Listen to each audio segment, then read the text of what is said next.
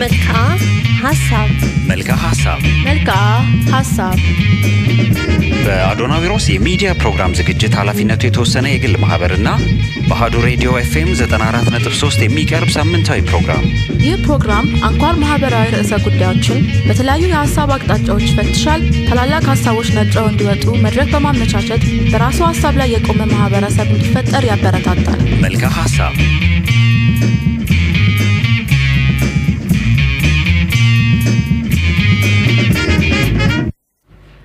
እንደምን አምሽታችኋል? የተከበራችሁ የአህዱ ቤተሰቦች ሳምንታዊውን የመልክዓ ሀሳብ ፕሮግራም ጀምረናል።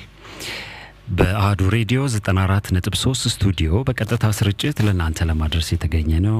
ደራሲና ተመራማሪ ጤንነት ሰጠኝ ሜላት አጥናፉና ዝግጅቱን በማስተናበር እስክንድር ክብረአብ እዚህ እ፣ ተገኝተናል። ከስቱዲዮ ቴክኒሽያን አብርሃም ሽፈራውን ይዘን ማለት ነው እስከ አራት ሰዓት ድረስ አብራችሁን እንድትቆዩ የምንጋብዛችሁ የፕሮግራሙን የክብር ስፖንሰር ጀነራል ፓወርን ይዘን ነው። ጀነራል ፓወር ኃላፊነቱ የተወሰነ የግል ማህበር ለድርጅቶ ለህንፃው ወይም ለመኖሪያ ቤቶ ዘመናዊ የቬንቲሌሽንና የኤር ኮንዲሽኒንግ ሲስተሞችን ለመዘርጋት ካሰቡ ከአስር ዓመታት በላይ የዳበረ የ electromechanical ስራዎች ልምድ ባለቤት የሆነውን ጀነራል ፓወርን ያነጋግሩ። የተለያየ ደረጃ ያላቸው የአየር ማቀዝቀዣዎች ወይም AC ዎችን፣ የማቀዝቀዣ ቤቶች ወይም cold rooms፣ የእሳት አደጋ መከላከያዎች፣ የኤሌክትሪክ system ዝርጋታ፣ ቦይለሮችንና አጠቃላይ የ electromechanical አገልግሎቶችን ለማግኘት ሲፈልጉ በስልክ ቁጥሮች 011 4 16 35 55 ወይም በ0911 51 45 12 ላይ ደውላችሁ ታገኙናላችሁ ብለዋል። የዚህ ፕሮግራም የክብር ስፖንሰሮች ጀነራል ፓወር PLC። እሺ ወደ ስቱዲዮ እንመለስ። እናንተስ እንዴት አመሻችሁ? እኛም ሰላም ነን። የአህዱ ቤተሰቦች እንዴት ናቸው እያልን ነው። ከክረምቱ ብርድ ጋር እንዴት ናችሁ ብለናል። የአህዱ አዎ፣ ቤተሰቦችን ክረምቱ ትንሽ ጠንከር ያለ ነው ዘንድሮ ትንሽ ይበርዳልም። ያው ዝናቡን በርከት ያለ ነው። ቀደም ብሎ ስለዘነበ መሰለኝ እና በተከታታይ እኮ ለረጅም ጊዜ ሲዘንብ ያው መሬቱም ይጠግባል። ሰው እንደሚጠግብ አብ- አብ- exact አዎ፣ ከዚህ በፊት ግንቦትን በዝናብ ነበር የምናውቀው። በዝናብ ሆነ። ዝናብ ነው። ስለዚህ ተከታታይ ስለሆነ የሄደው ያ በዛ ምክንያት ይመስለኛል እና ያው መሬቱ አሁን ወደ መጥገብ ሲመጣ ወደ ውጭ ነው የሚተፋው። ስለዚህ ያው ቅዝቃዜውም አብሮ መምጣቱ አይቀርምና እንደዛ አይነት ነገር ያለ ይመስላል ነው። የሚገርመው ግን ከከተማዋ ወይም ሀገሪቱ በጠቅላላ ያው በ- በ- በአመዛኙ ዝናባማ ወይም ቀዝቃዛ ብትሆንም የሰው መንፈስ በዚህ ወቅት ላይ ያለው ግን ከእሱ ትንሽ ተቃራኒ ነው። ሞቅ ያለ አሁን በወቅቱ ባለው የሀገሪቱ ፖለቲካዊ ሁኔታ የእርቅ ስሜት፣ የፍቅር ስሜት፣ የአንድነት ስሜት በጣም በ- በ- በጣም ጎልቶ ይታያል። አየሩ ላይ በጣም ስለናየ ስለዚህ ከአየሩ የሰው ስፒሪት በልጧል ማለት ነው። አዎ የተሻለ ነገር ይታያል። ደግሞ እንዴት ነው ሞቅ ያለ ነገር በዚህ ሞቅ ያለ ሁሉም ሰው ጥሩ እንትን ይታይበታል። ከፍተኛ መነቃቃት አለ። እንደገና ተስፋም እየጣለ ነው ምናምን ብዙ ነገሮች ላይ እና የሀገሪቷ ሁኔታ ወደ ተሻለ ነገር ይመጣል የሚል ጉጉትም አለው በብዙ ሰዎች ዘንድ። ይሄ ጥሩ ነገር ነው ራሱ። ምክንያቱም አንድን ነገር ወደፊት በርቀት የሚወስደው እንደነዚህ አይነቱ ናቸው። ሰው በተስፋ ነው የሚኖረው የሚለው ነገር ትልቅ ነገር ነው እኮ። አሁን ነገ ከነገ ወዲያ ትሞታለህ ብትለው አንድ ሰው ዛሬ የሚኖረው ኑሮ ዋጋ ነው የሚያጠዋል ቀድሞ ነው የሚሞተው። ቀድሞ ነው የሚሞተው ማለት ጊዜውም ሳይደርስ ይሞታል። እና እንደዚህ ተስፋ ሲያይ ተስፋ ሰጪ ነገሮች ሲሄዱ ጥሩ ናቸው። እነዚህ እንዴት መቀጠል ይችላሉ የሚለው ነው መሰረታዊ ጥያቄ የሚያስነሳው ጉዳይ እንጂ በዛ በዘለለው ሌላው በጣም ጥሩ ነገሮች ናቸው ያሉት ማለት ይቻላል። በጣም ጥሩ። ባለፈው ሳምንት ከስድስቱ የታላቅነት ዘርፎች ውስጥ ሶስተኛ ስለሆነው ስለ ኃይል ሰፋና ጠለቅ ያሉ ሀሳቦችን እ፣ ለአህዱ ቤተሰቦች ስናደርስ ነበረ። እንግዲህ ኃይልን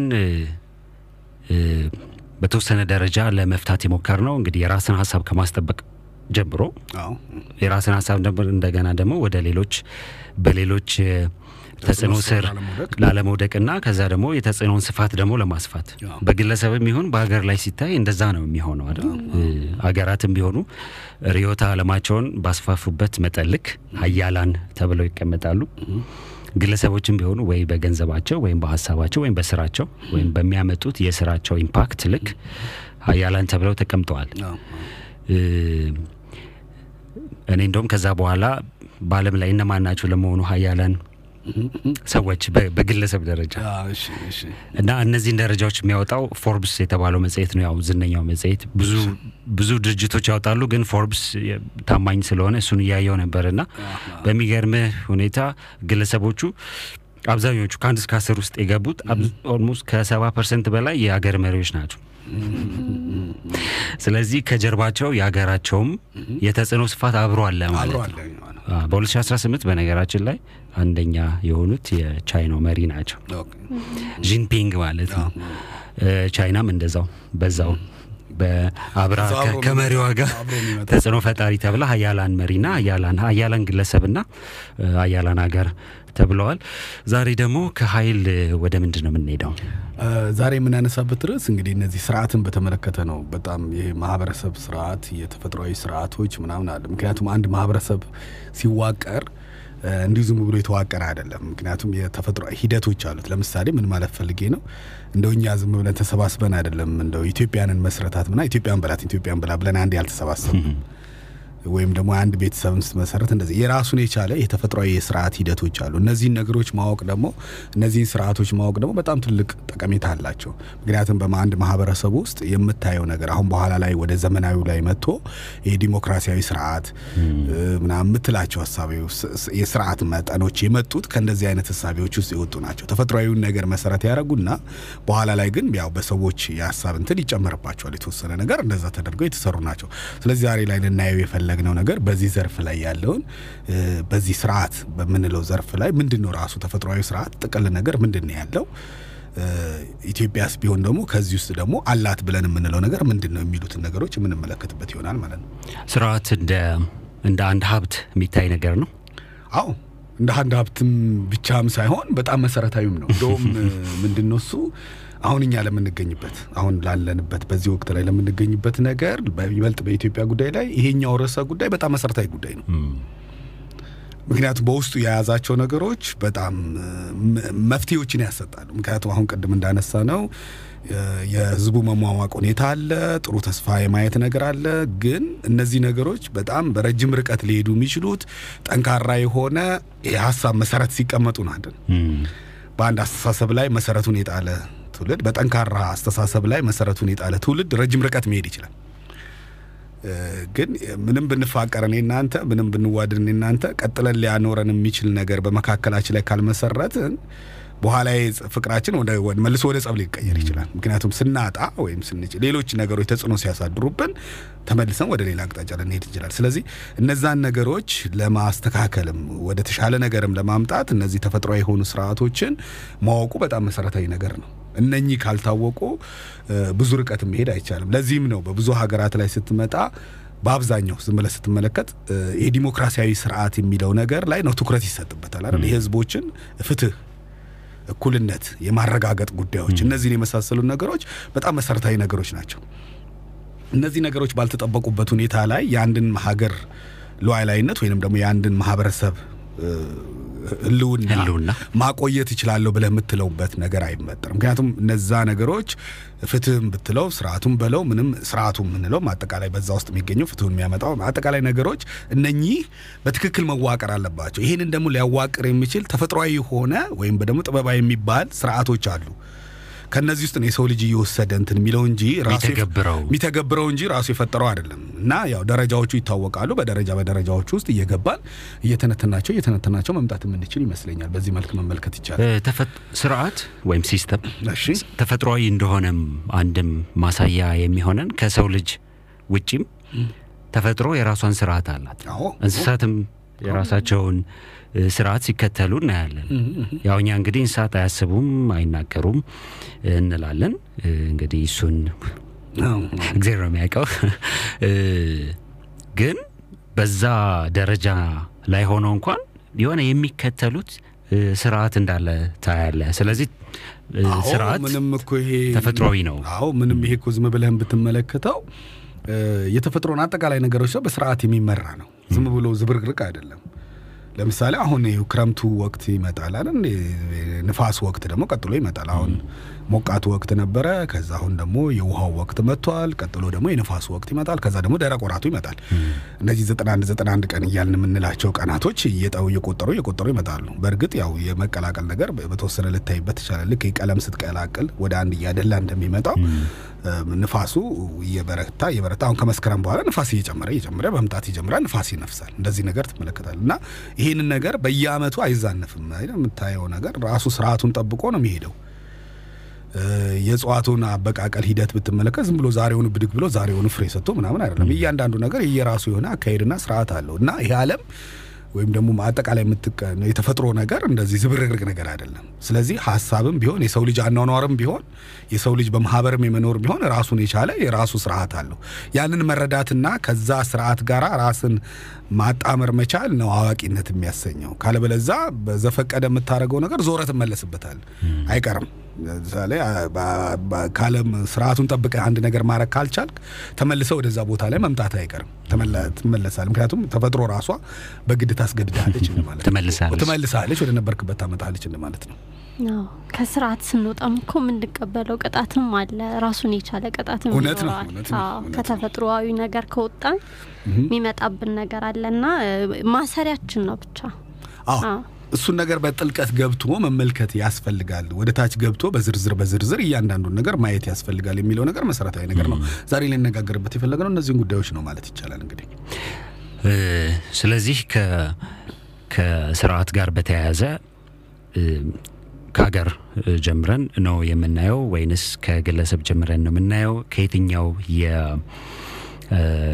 እርከን ላይ ጀምረን ስለ ስርዓት ወይም ስለ system ማውራት እንችላለን? አሁን? እንግዲህ ትልቁ ነገር ምንድን ነው የሰው ልጅ የሚኖርባቸው ስርዓት ስንል አሁን ሀሳቡ እንዲገባ የሰው ልጅ የተዋቀረበት መስመሮች አሉ። አሁን ዝም ብለን ስንመለከት አንድ በሀገርም ደረጃ ልትወስደው ትችልና ያ ሀገር ላይ የሚገኘው ማህበረሰብ ግን ወይንም ህዝብ በአብዛኛው የሚያደላው የትኛው ላይ ነው የሚለውን እያየ ነው እንምጣ። ከታችን ጀምርና ሰባት ናቸው መሰረታዊ ተብለው የሚባሉት።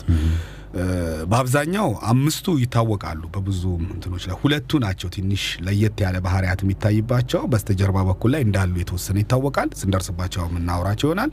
ግን የቀሩት ግን አምስቱ ግን በ- በአብዛኛው ህዝበረተሰብ ዘንድ ይታ- ይታወቃሉ አንደኛው አስተሳሰብ ምንድን ነው የሚለው አንድ ማንኛውም ሰው በዚህ ማህበረ እንግዲህ የሰው ልጅ እንግዲህ በብቻውንም ይኖራል እንደገና በማህበረሰብም ይኖራል አይደለ?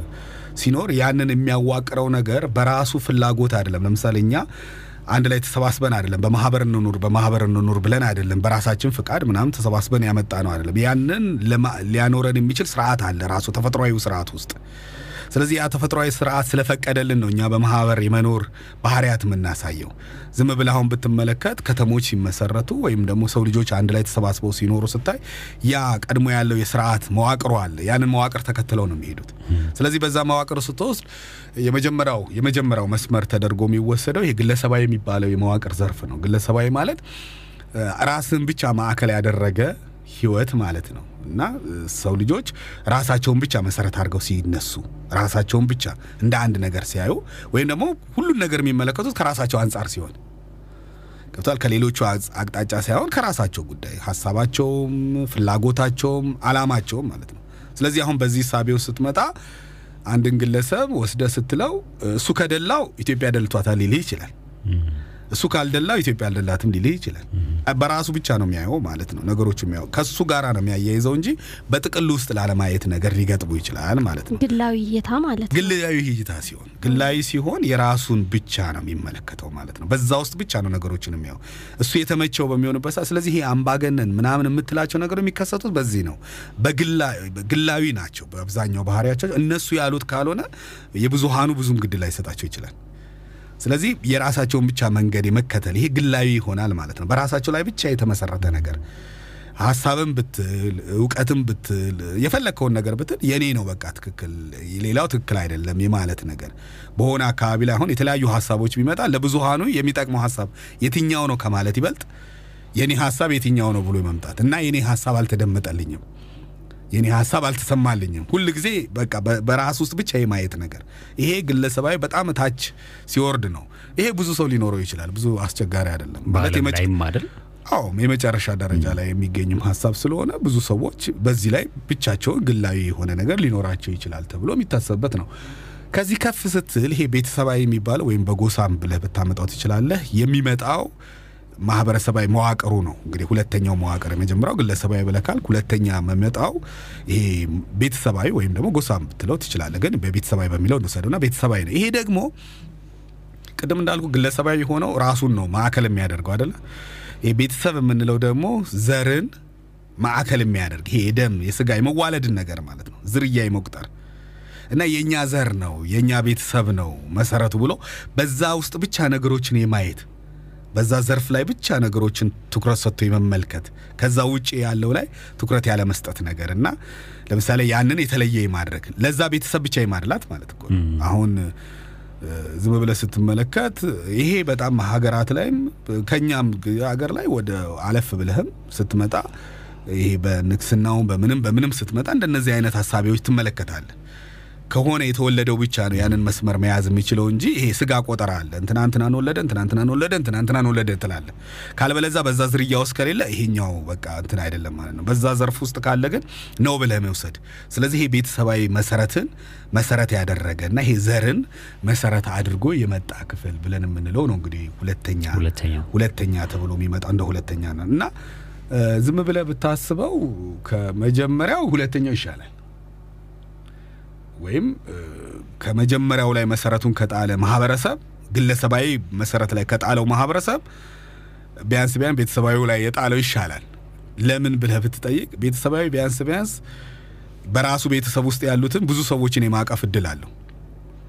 ለራሱ ብቻ አይደለም የሚያስበው። እሱ ብቻ የእሱ ሀሳብ ብቻ እንዲጸና፣ እሱ የተሻለ ኑሮ እንዲኖር፣ እሱ የተሻለ ነገር እንዲያገኝ ብቻ ሳይሆን የሚያስበው ቤተሰቡ የእሱ ዘሮች እሱ በስጋ ተዋልደውኛል በእኔ ጋራ ተዋልደዋል የሚላቸው እንዲያልፍላቸው ወይም ደግሞ በዛ ውስጥ ነው የሚመለከተው ነገሮችን ማለት ነው ስትል እዛ ውስጥ ደግሞ ብዙ ሰዎች አሉ፣ ግለሰቦች።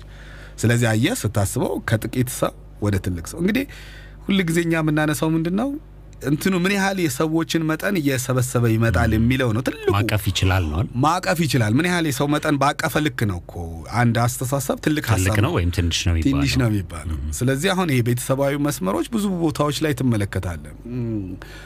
ለምሳሌ ዝም ብለህም ብታስበው በአንዳንድ እንዲሁ ዝም ብለህ ጎረቤቶቻችን ሌሎችንም አካባቢ ላይ ሄደን ብንመለከት በተመሳሳይ ደረጃ ላይ የሚገኙ አንድ ተመሳሳይ ቋንቋ የሚናገሩ ተመሳሳይ ሃይማኖታዊ ወይም ደግሞ ይሄ ሃይማኖታዊ አስተምሮት ያላቸው ምናምን ሆነው እታይ ስትመጣ ግን ልዩነቶቻቸው በዚህ በቤተሰባዊ ወይም በጎሳው ጉዳይ ላይ ልዩነት ሲያመጡ ትመለከታቸዋለህ።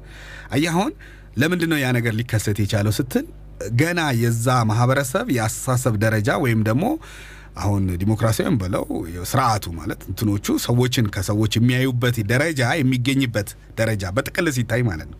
በጥቅል ሲታይ የሚገኝበት ደረጃ ገና በዛ ታችኛው ላይ ነው ያለው ማለት ነው። እታች ስለሆነ አንዱን ጎሳ ከአንዱ ጎሳ ወይም አንዱን ቤተሰብ ከአንዱ ቤተሰብ የማበላለጥ ነገር ሊገጥም ይችላል ማለት ነው።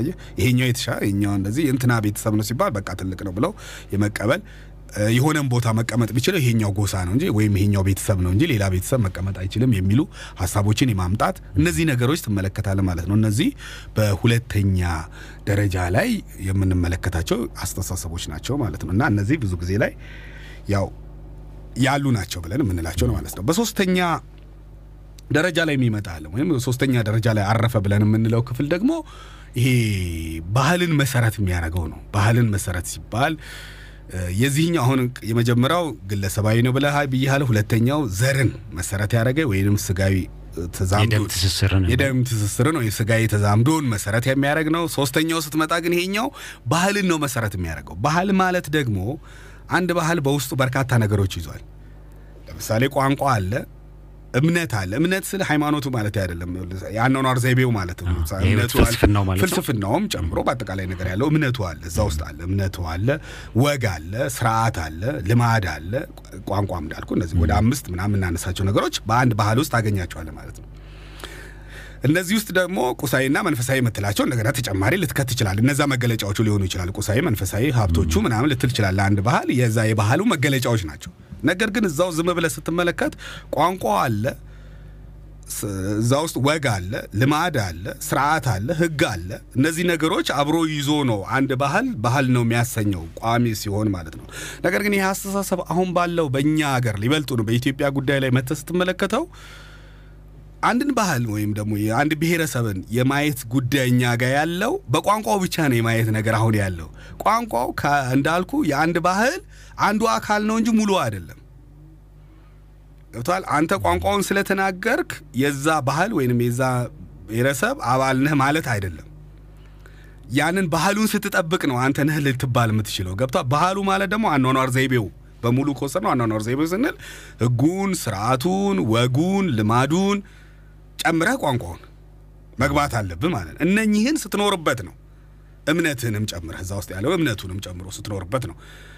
እሱን ሳትኖረው ግን ዝም ብለህ ቋንቋውን ብቻ ስለተናገርክ የዚህ ብሔረሰብ ወይም የዚህ አካል ነህ ብሎ መምጣት ከባድ ነው የሚሆነው።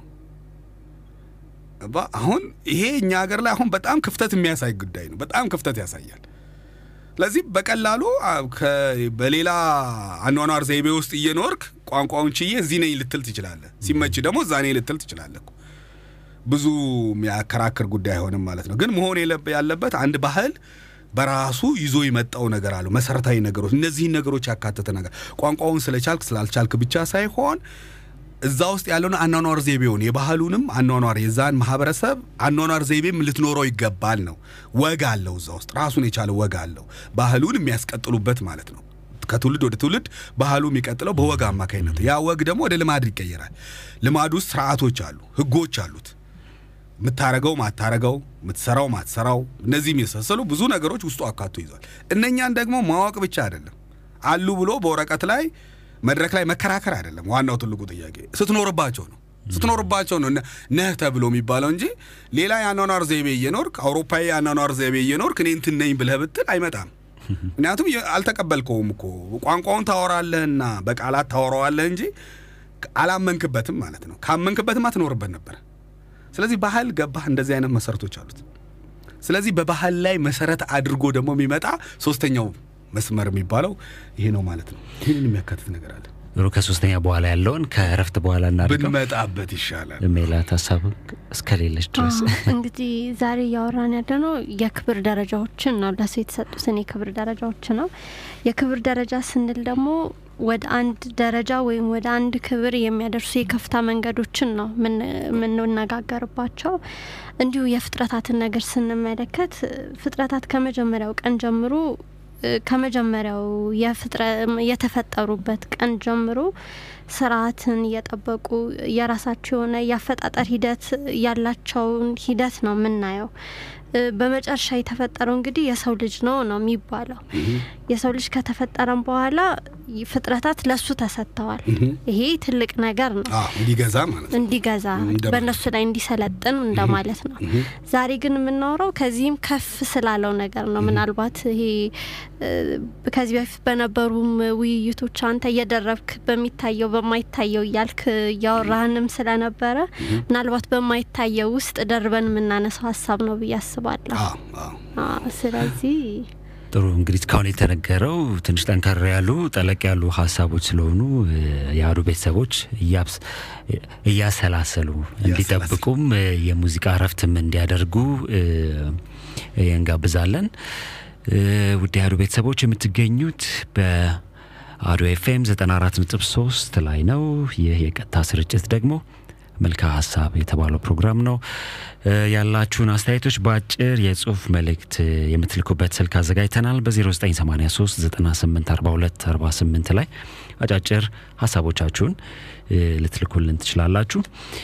ይህንን ፕሮግራም ስፖንሰር በማድረግ አጋር ቤተሰብ የሆነን ጄኔራል ፓወር ኃላፊነቱ የተወሰነ የግል ማህበር ነው። በጣም በጣም እናመሰግናለን። አንድ የሙዚቃ እረፍት አድርገን እንመለሳለን። የዛሬው የሙዚቃ አጋራችን ደግሞ ለማደም ሰው ነው። አንድ ሙዚቃ ቴክኒሽያናችን አብርሽ እንዲጋብዘን እሱን እንጋብዛለን።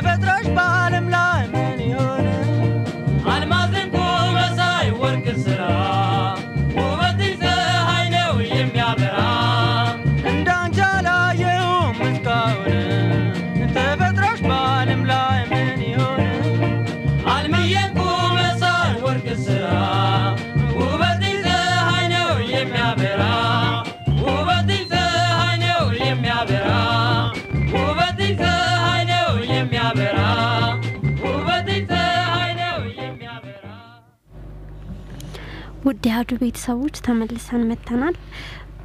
በአጭር የጽሁፍ መልእክት እንዲሁም በፌስቡክ እነ አብርሽ ተስፋዬ፣ ጀማል መሀመድ፣ ኤዶም መለሰ እንዲሁም በርካታ አስተያየቶች እየመጡ ነው። እናመሰግናለን። ከኛ ጋር እንድትቆዩ ነው የምንጋብዘው።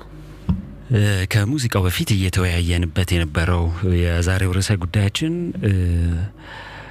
ስርዓት ላይ ነው ወይም system ልንለው እንችላለን። የትኛውም ማህበረሰብ ደግሞ ማህበረሰብም እንበለው የትኛውም የተፈጥሮ አካል የሆነ ፍጥረት እንበለውና የራሱ ስርዓት ወይም በራሱ ስርዓት ላይ የተዋቀረ ነው። ቅድም እንደነገርከን ደግሞ ስርዓት ደግሞ በሰባት አምዶች ላይ የተገነባ ነው እና ሶስቱን ነው የነገርከን በስም በቤተሰብና በብሔረሰብ ወይንም በከፍ ባለው ከቤተሰብ ከፍ ባለው የሀገራዊ ወይም ባህል ላይ ላይ ነው። ለመሆኑ ከዛ በላይስ ያለው የስርዓት አወቃቀር ምንድን ነው የሚመስለው? እንግዲህ ቀጥለን ደግሞ ሌሎቹንም ለማየት እንሞክራል። ግን እርስ በርሳቸው ምን አይነት ትስስር አላቸው ወደፊት መመልከት አለብን። ምክንያቱም መሰረታዊም ስለሆኑ አንደኛው በአንደኛው ላይ ሲደርብ አያጠፋውም። በነገራችን ላይ የጥበብ ነገር አንደኛውን ክፍል በአንደኛው ላይ ስትደርበው አያጠፋውም። አንዱን በአንዱ ላይ ከፍታ እያወጣው ስልክ እንደ ደረጃ እንደ ማለት ነው። ደረጃ ነው። አንዱ ደረጃ ወጥቶ ሁለተኛውን ደረጃ ስታ የመጀመሪያው ደረጃ ይፈርሳል ማለት አይደለም፣ ወይ አገልግሎት የለውም ማለት አይደለም። አንዱ በአንዱ ውስጥ ባለፈው እንዳነሳ ነው አንድ ሀሳብ በሌላ ሀሳብ ውስጥ ሲገባ ያ ሀሳብ ይጠፋል ሳይሆን ያ ሀሳብ እዛ ውስጥ ይገኛል። ሌሎችም ደግሞ ከሱ ሌላ ሌሎችም ሀሳቦች ይገኛሉ እንደማለት ነው። ላይ በአንድ ባህል ውስጥ ስትገባ በታች በኩል ላይ ቤተሰባዊ ዘርፍ ጠፍቷል ማለት አይደለም፣ ይኖራል እኮ ለምሳሌ በጥቅሉ ዝም ብለህ በአማራ ወይ በኦሮሞ ባህል ወይም በደግሞ ትግሬ ባህል በምናምን ብለህ በሰፊው በባህል ውስጥ ወስደህ ብታስገባ ወይ በጉራጌ ባህል ብለህ በሙሉ ብትወስደው በውስጡ ጎሳ ወይም ደግሞ ቤተሰብ የምንላቸው ትልልቅ አንጓ አንጓ የሆኑ ሰው እንትኑ ጠፍቷል ማለት አይደለም። ይኖራል እኮ ውስጡ ይኖራል ማለት ይቀጥላሉ። አሉ አሉ የተቋጠረ በዛኛው በትልቅ ውስጥም ታስረዋል። እንደገና በዝርዝር ስትመጣ ደግሞ በትንሾች ውስጥ ታገኛቸዋል። ይህንን ስርዓት ማወቅና በዚህ ስርዓት ላይ አንድን የአንድን ሀገር እንትን መገንባት መቻል በጣም ትልቅ እውቀትም ነው። ብዙም ርቀትም ይወስዳል። እኛ ኢትዮጵያውያን ትተነው ስለወጣን ነው እንጂ እነዚህ ነገሮች በጣም በጥልቀት የሚታወቅ እውቀቶች ነበሩና ዘለነው ያው ወደ ላይ ከፍ ብለን ስለመጣንበት ነው። ለማንኛውም ግን ወደ ላይ እንውጣ።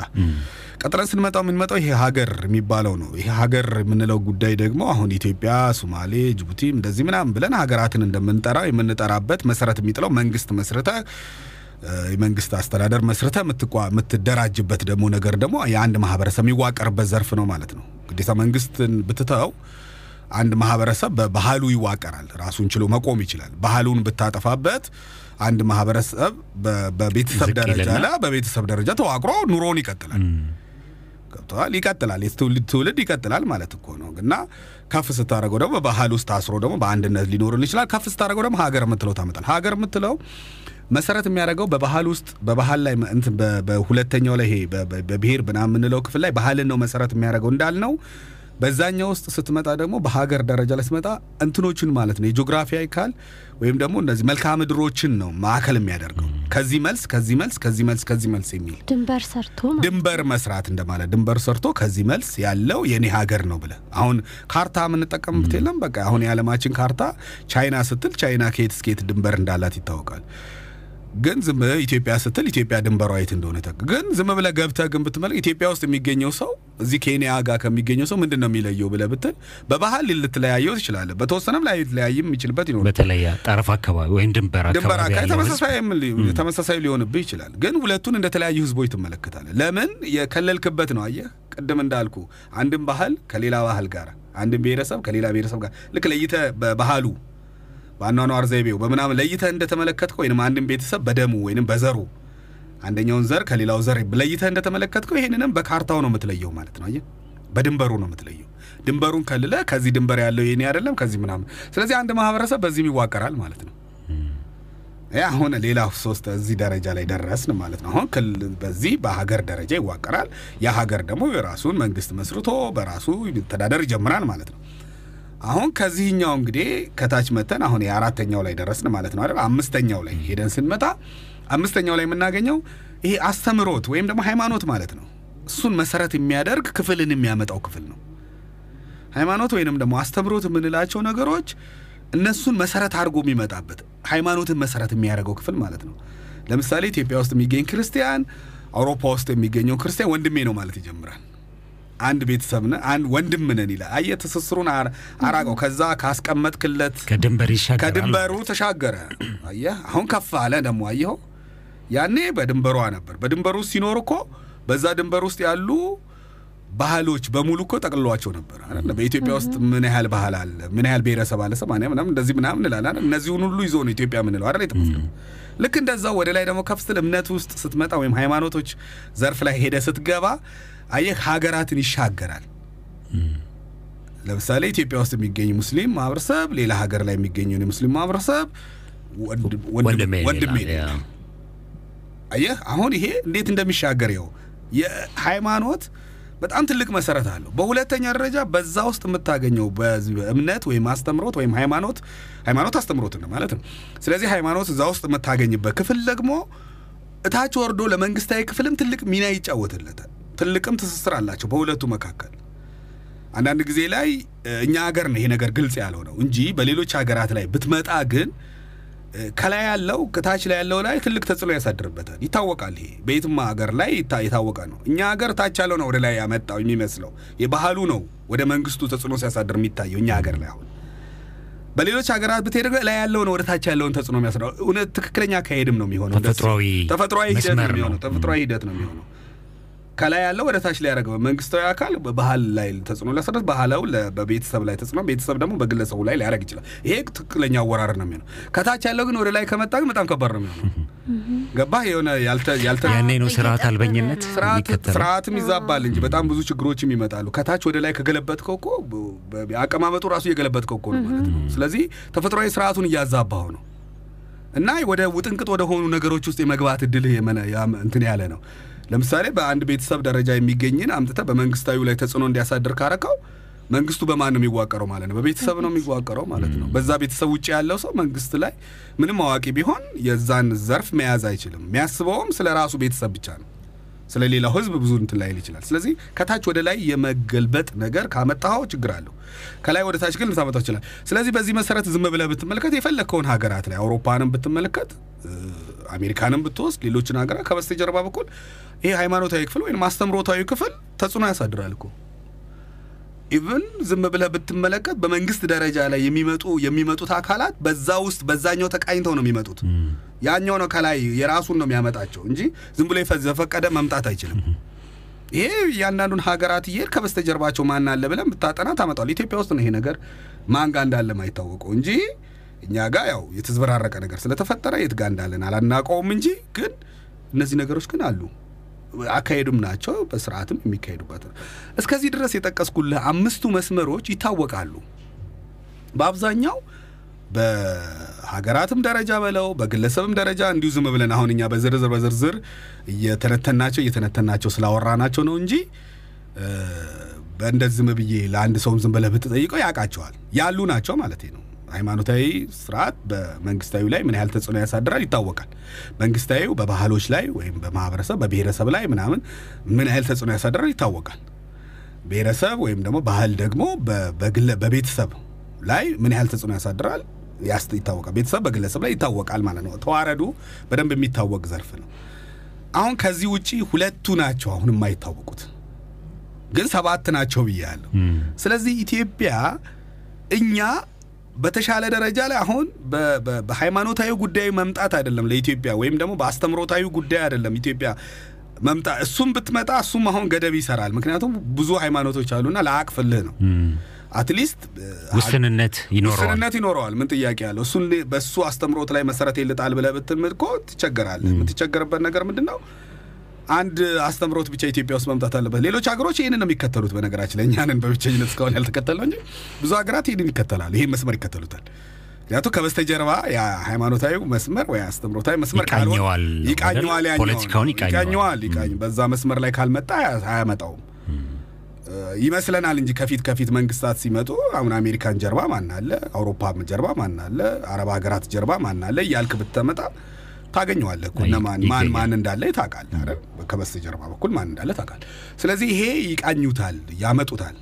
ስለዚህ እኛም ይሄንን አይደለም መከተል ያለብን። አሁን ይሄኛውን መተን እነሱ በተከተሉበት ከበስተጀርባ ያለውን የመከተል ሳይሆን ከዚህ በላይ ሌሎች አሉ፣ የበለጠ የመጠቅለል አቅማቸው ከፍተኛ የሆነ የሚባሉ አሉ።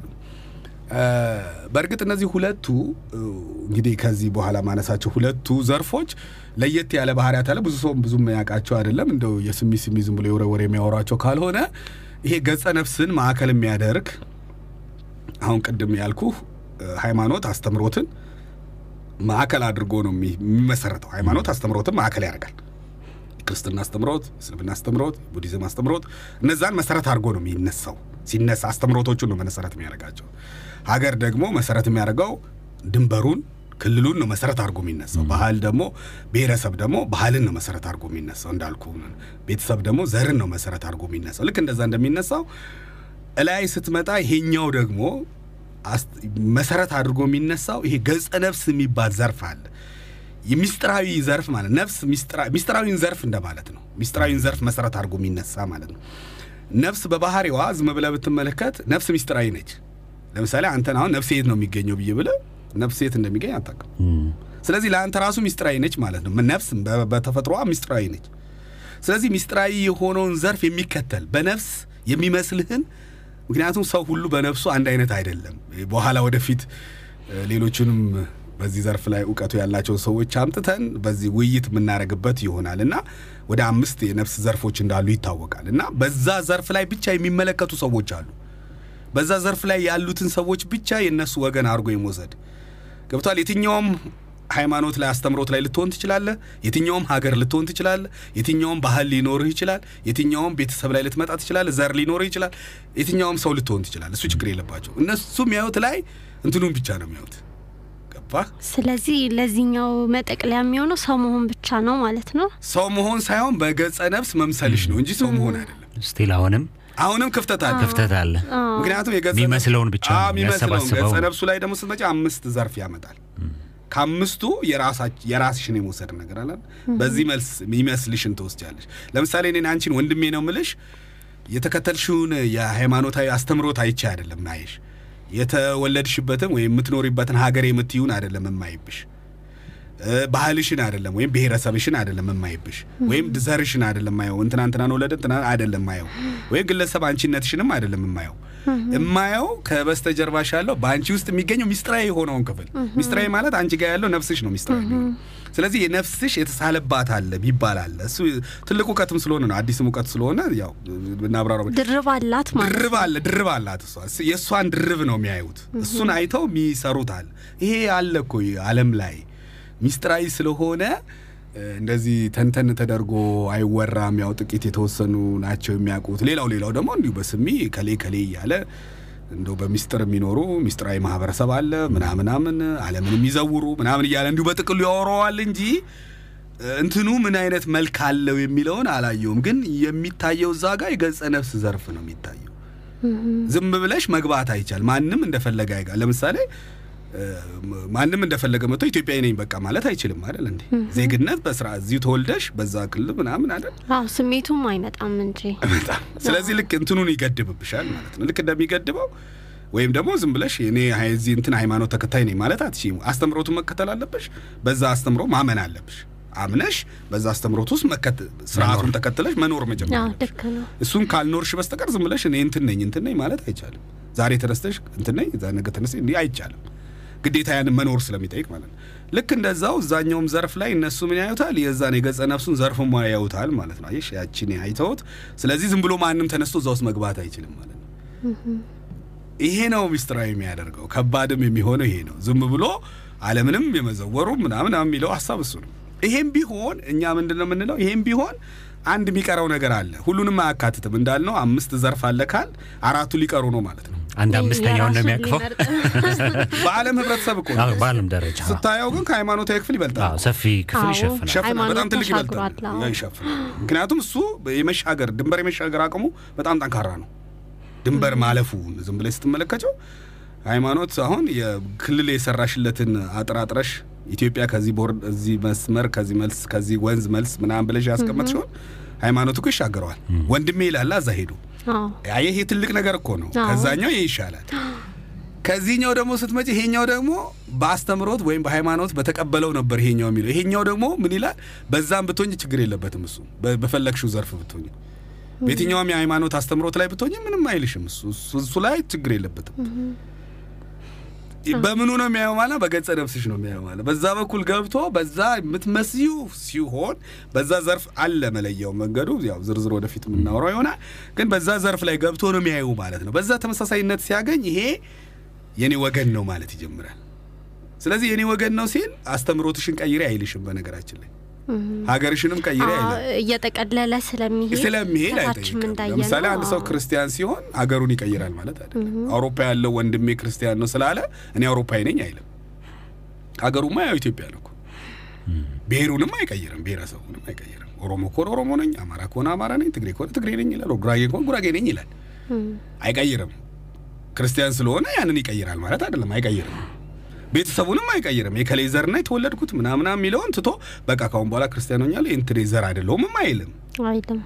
ያ እንደተጠበቀ ግን ተሻግሮ ሄዶ ግን አውሮፓ የሚገኘው ክርስቲያን ወንድሜ ነው ይላል። አየሽ፣ ያም እንደተጠበቀ ሆኖ ማለት እኩል ለቤተሰቦች ወደ ታች ላሉት ትሪት እንትን እንደሚያደርግ እንደሚረዳ እንደሚያግዝ ተሻግሮ ሄዶ አውሮፓም ያለውን የማሰር እንትን ይሆናል። አይሽ ሃይማኖት ምን ያህል ጠንካራ ከፍታውን ያሳያል። ያኛውን ደግሞ ስታየው ደግሞ ከዛ ከፍ ይላል። እሱም በፈለግሽው ሃይማኖት ውስጥ ብትሆኝ ብዙም ችግር የለበትም። እንደዛ ነው የሚያየው ማለት ነው። ስለዚህ ይሄ ስድስተኛ እኮ ነው። አዎ፣ ትንሽ አዲስ ነገር ነው። ስድስተኛ ዘርፍ ነው። ሰባተኛው ዘርፍ አለ ከዚህ ከፍ የሚለው እኛ እሷን የፈለግናት። ይሄ ሰባተኛ የምንለው ዘርፍ የጥበብ ዘርፍ ነው የሚባለው። ለሰው ልጆች ሁሉ ሰው በመሆንሽ ብቻ ሰው በመሆንሽ ብቻ በቃ አለቀ። ምንም ሌላ ዝርዝር ነገር የለበትም። ሰው መሆንሽ ብቻ በቂው የሆነ ዘርፍ የሚባል የጥበብ ዘርፍ አለ።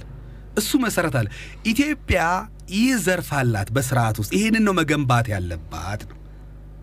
ለሰው ልጆች ሁሉ የሚለውን መስመር ይዛ መምጣት ስትችል ነው በትንቢቶችም በምንም የሚባለው ኢትዮጵያ ታላቅቶ ሀገር ትሆናለች፣ የሰው ልጆች ሁሉ መጠለያ ትሆናለች። መቼስ ሰው ሁሉ ተሰብስቦ ኢትዮጵያ ውስጥ አይመጣም። ነው።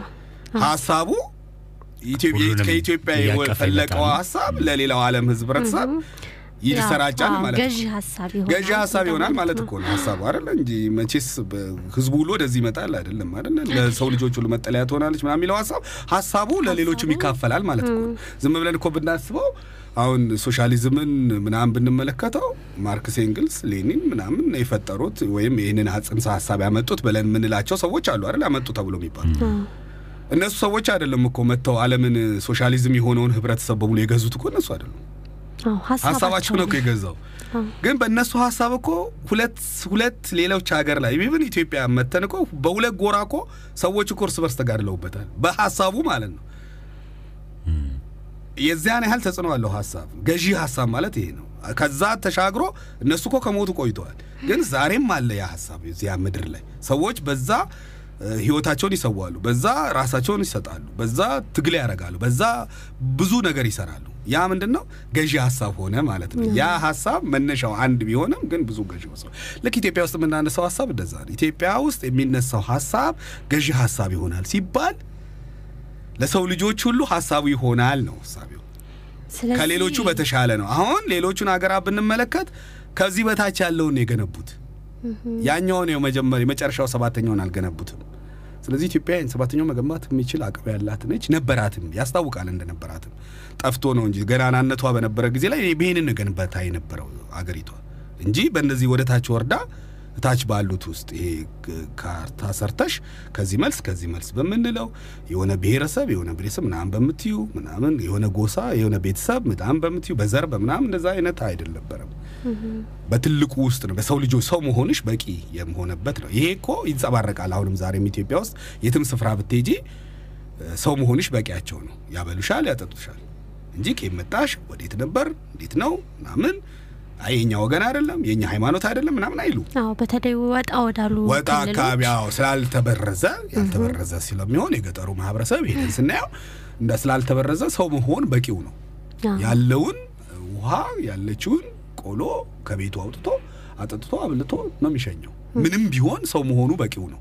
ስለዚህ እንደነዚህ አይነት ሀሳቦች አለ። ይሄ የጥበብ ዘርፍ ነው ማለት ነው። ይህን የሚመስል መዋቅር ነው የተደራጀው። እንግዲህ የዛሬው ስርዓት የተመለከተ ነገር ያወራ ነው። ይህን የሚመስል ነገር አለበት። ስለዚህ በዚህ በመልካ ሀሳብ የሬዲዮ ፕሮግራማችንም ወደፊት ይህንን የጥበብ ዘርፍ እየተነተንን እንመጣለን ማለት ነው። በደንብ እንጂ ካለበለዛማ ምን ዋጋ ስለዚህ ቃል ገብተን እንለያይ ማለት አዎ አዎ፣ ካለበለዛማ ምን ዋጋ አለው ማለት በደንብ ማውራት ሳይሆን ያ የጥበብ ዘርፍ ምንድን ነው የያዘው? የያዘው ነገር በጣም ብዙ ነው።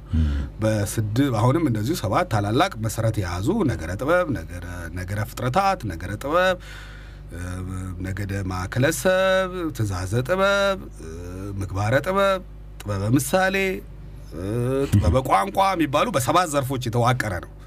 እሱ ምንድን ነው ምናምን ሌሎችን ባለሙያዎች እንጋብዛለን በጣም ቆንጆ ሀሳቡን ለማስፋት ለማስፋት ማለት ምክንያቱም ዓለም ላይ አዎ፣ ሀሳብ አዲስም እንዲሆን ስላልሆነ በደንብ እንዲመጣና ምሁራኖችን አምጥተን በሳይንሱም በሌላም ሊቃውንቶቹንም አምጥተን በእነሱ ጋር አብረን እኛም አብረን ላይ ሆነን በደንብ ለአዱ ቤተሰቦች ጥሩ ሀሳብ እንሰጣለን ብለን እንጠብቃለን። በጣም ቆንጆ። ከዚህ በኋላ ነው እንደውም ይህ ፕሮግራም በጣም እየሞቀ እየሰፋ እየጠለቀ የሚመጣው ማለት ነው። እዚህ የዛሬውን ፕሮግራም እያገባደድን ነው። አንድ ሶስት ደቂቃ አለን የመሰናበቻ እና የመሰናበቻ ሙዚቃ ጨምረን የተከበራችሁ የአህዱ ቤተሰቦች እስካሁን አብረናችሁ የቆየነው እስክንድር ክብረአብ፣ ጤንነት ሰጠኝ፣ ሜላት አጥናፉ ነበርን። ሳምንት ከጥበብ ዘርፍ ውስጥ የተወሰኑትን ሀሳቦች ደግሞ አንስተን እንደዚሁ በሰፊው እና በጥልቀት ህብረትን ህብረትን አንስተን እንወያይበታለን። የዛሬውን ፕሮግራማችንን በክብር ስፖንሰር ያደረገልን ጀነራል ፓወር ኃላፊነቱ የተወሰነ የግል ማህበርን እጅግ በጣም በጣም እናመሰግናለን። ሳምንት እስክንገናኝ ድረስ የፕሮግራሙ አዘጋጆች በሙሉ መልካሙን እንመኝላችኋለን። መልካም ሳምንት፣ መልካም ምሽት።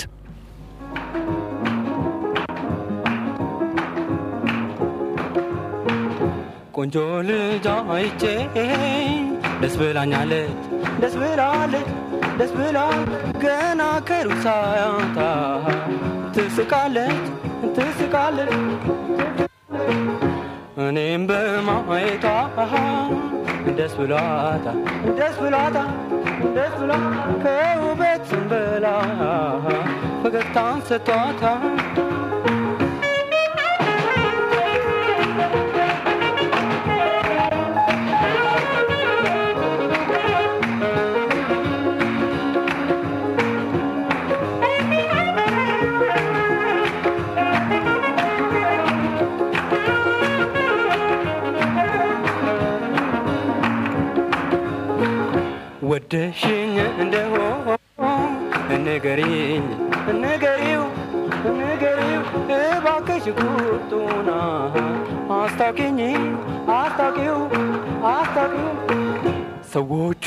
እያዩ ይስቃሉ ይስቃሉ ይስቃሉ ኧረ እባክሽ አፈፍ ምን ይላሉ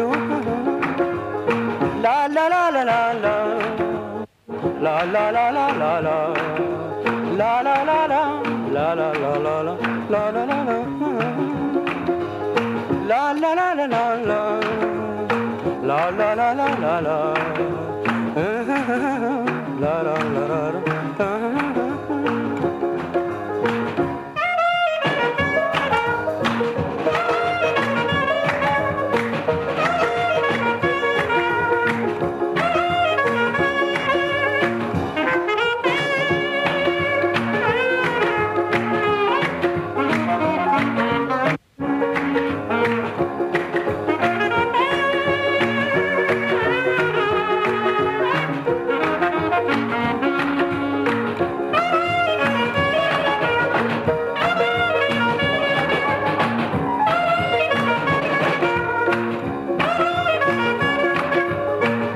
ቆንጆ ልጅ አይቼ ደስ ብላኛለች ደስ ብላለች ደስ ብላለች ገና ከሩቅ ሳያታ ትስቃለች ትስቃለች ትስቃለች።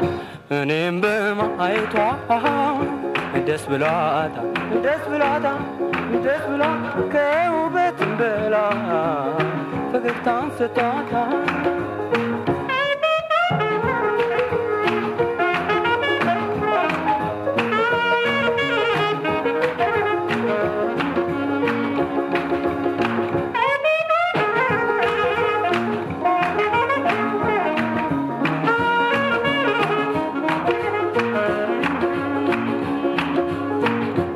ባክሽኝ እንደሆ ንገሪኝ ንገሪው ንገሪው እባክሽን ቁርጡና አስታውቂኝ አስታውቂው መልክዓ ሀሳብ መልካ ሀሳብ መልክዓ ሀሳብ በአዶናዊሮስ የሚዲያ ፕሮግራም ዝግጅት ኃላፊነቱ የተወሰነ የግል ማህበርና በአሀዱ ሬዲዮ ኤፍኤም 94.3 የሚቀርብ ሳምንታዊ ፕሮግራም። ይህ ፕሮግራም አንኳር ማህበራዊ ርዕሰ ጉዳዮችን በተለያዩ የሀሳብ አቅጣጫዎች ይፈትሻል። ታላላቅ ሀሳቦች ነጥረው እንዲወጡ መድረክ በማመቻቸት በራሱ ሀሳብ ላይ የቆመ ማህበረሰብ እንዲፈጠር ያበረታታል። መልካ ሀሳብ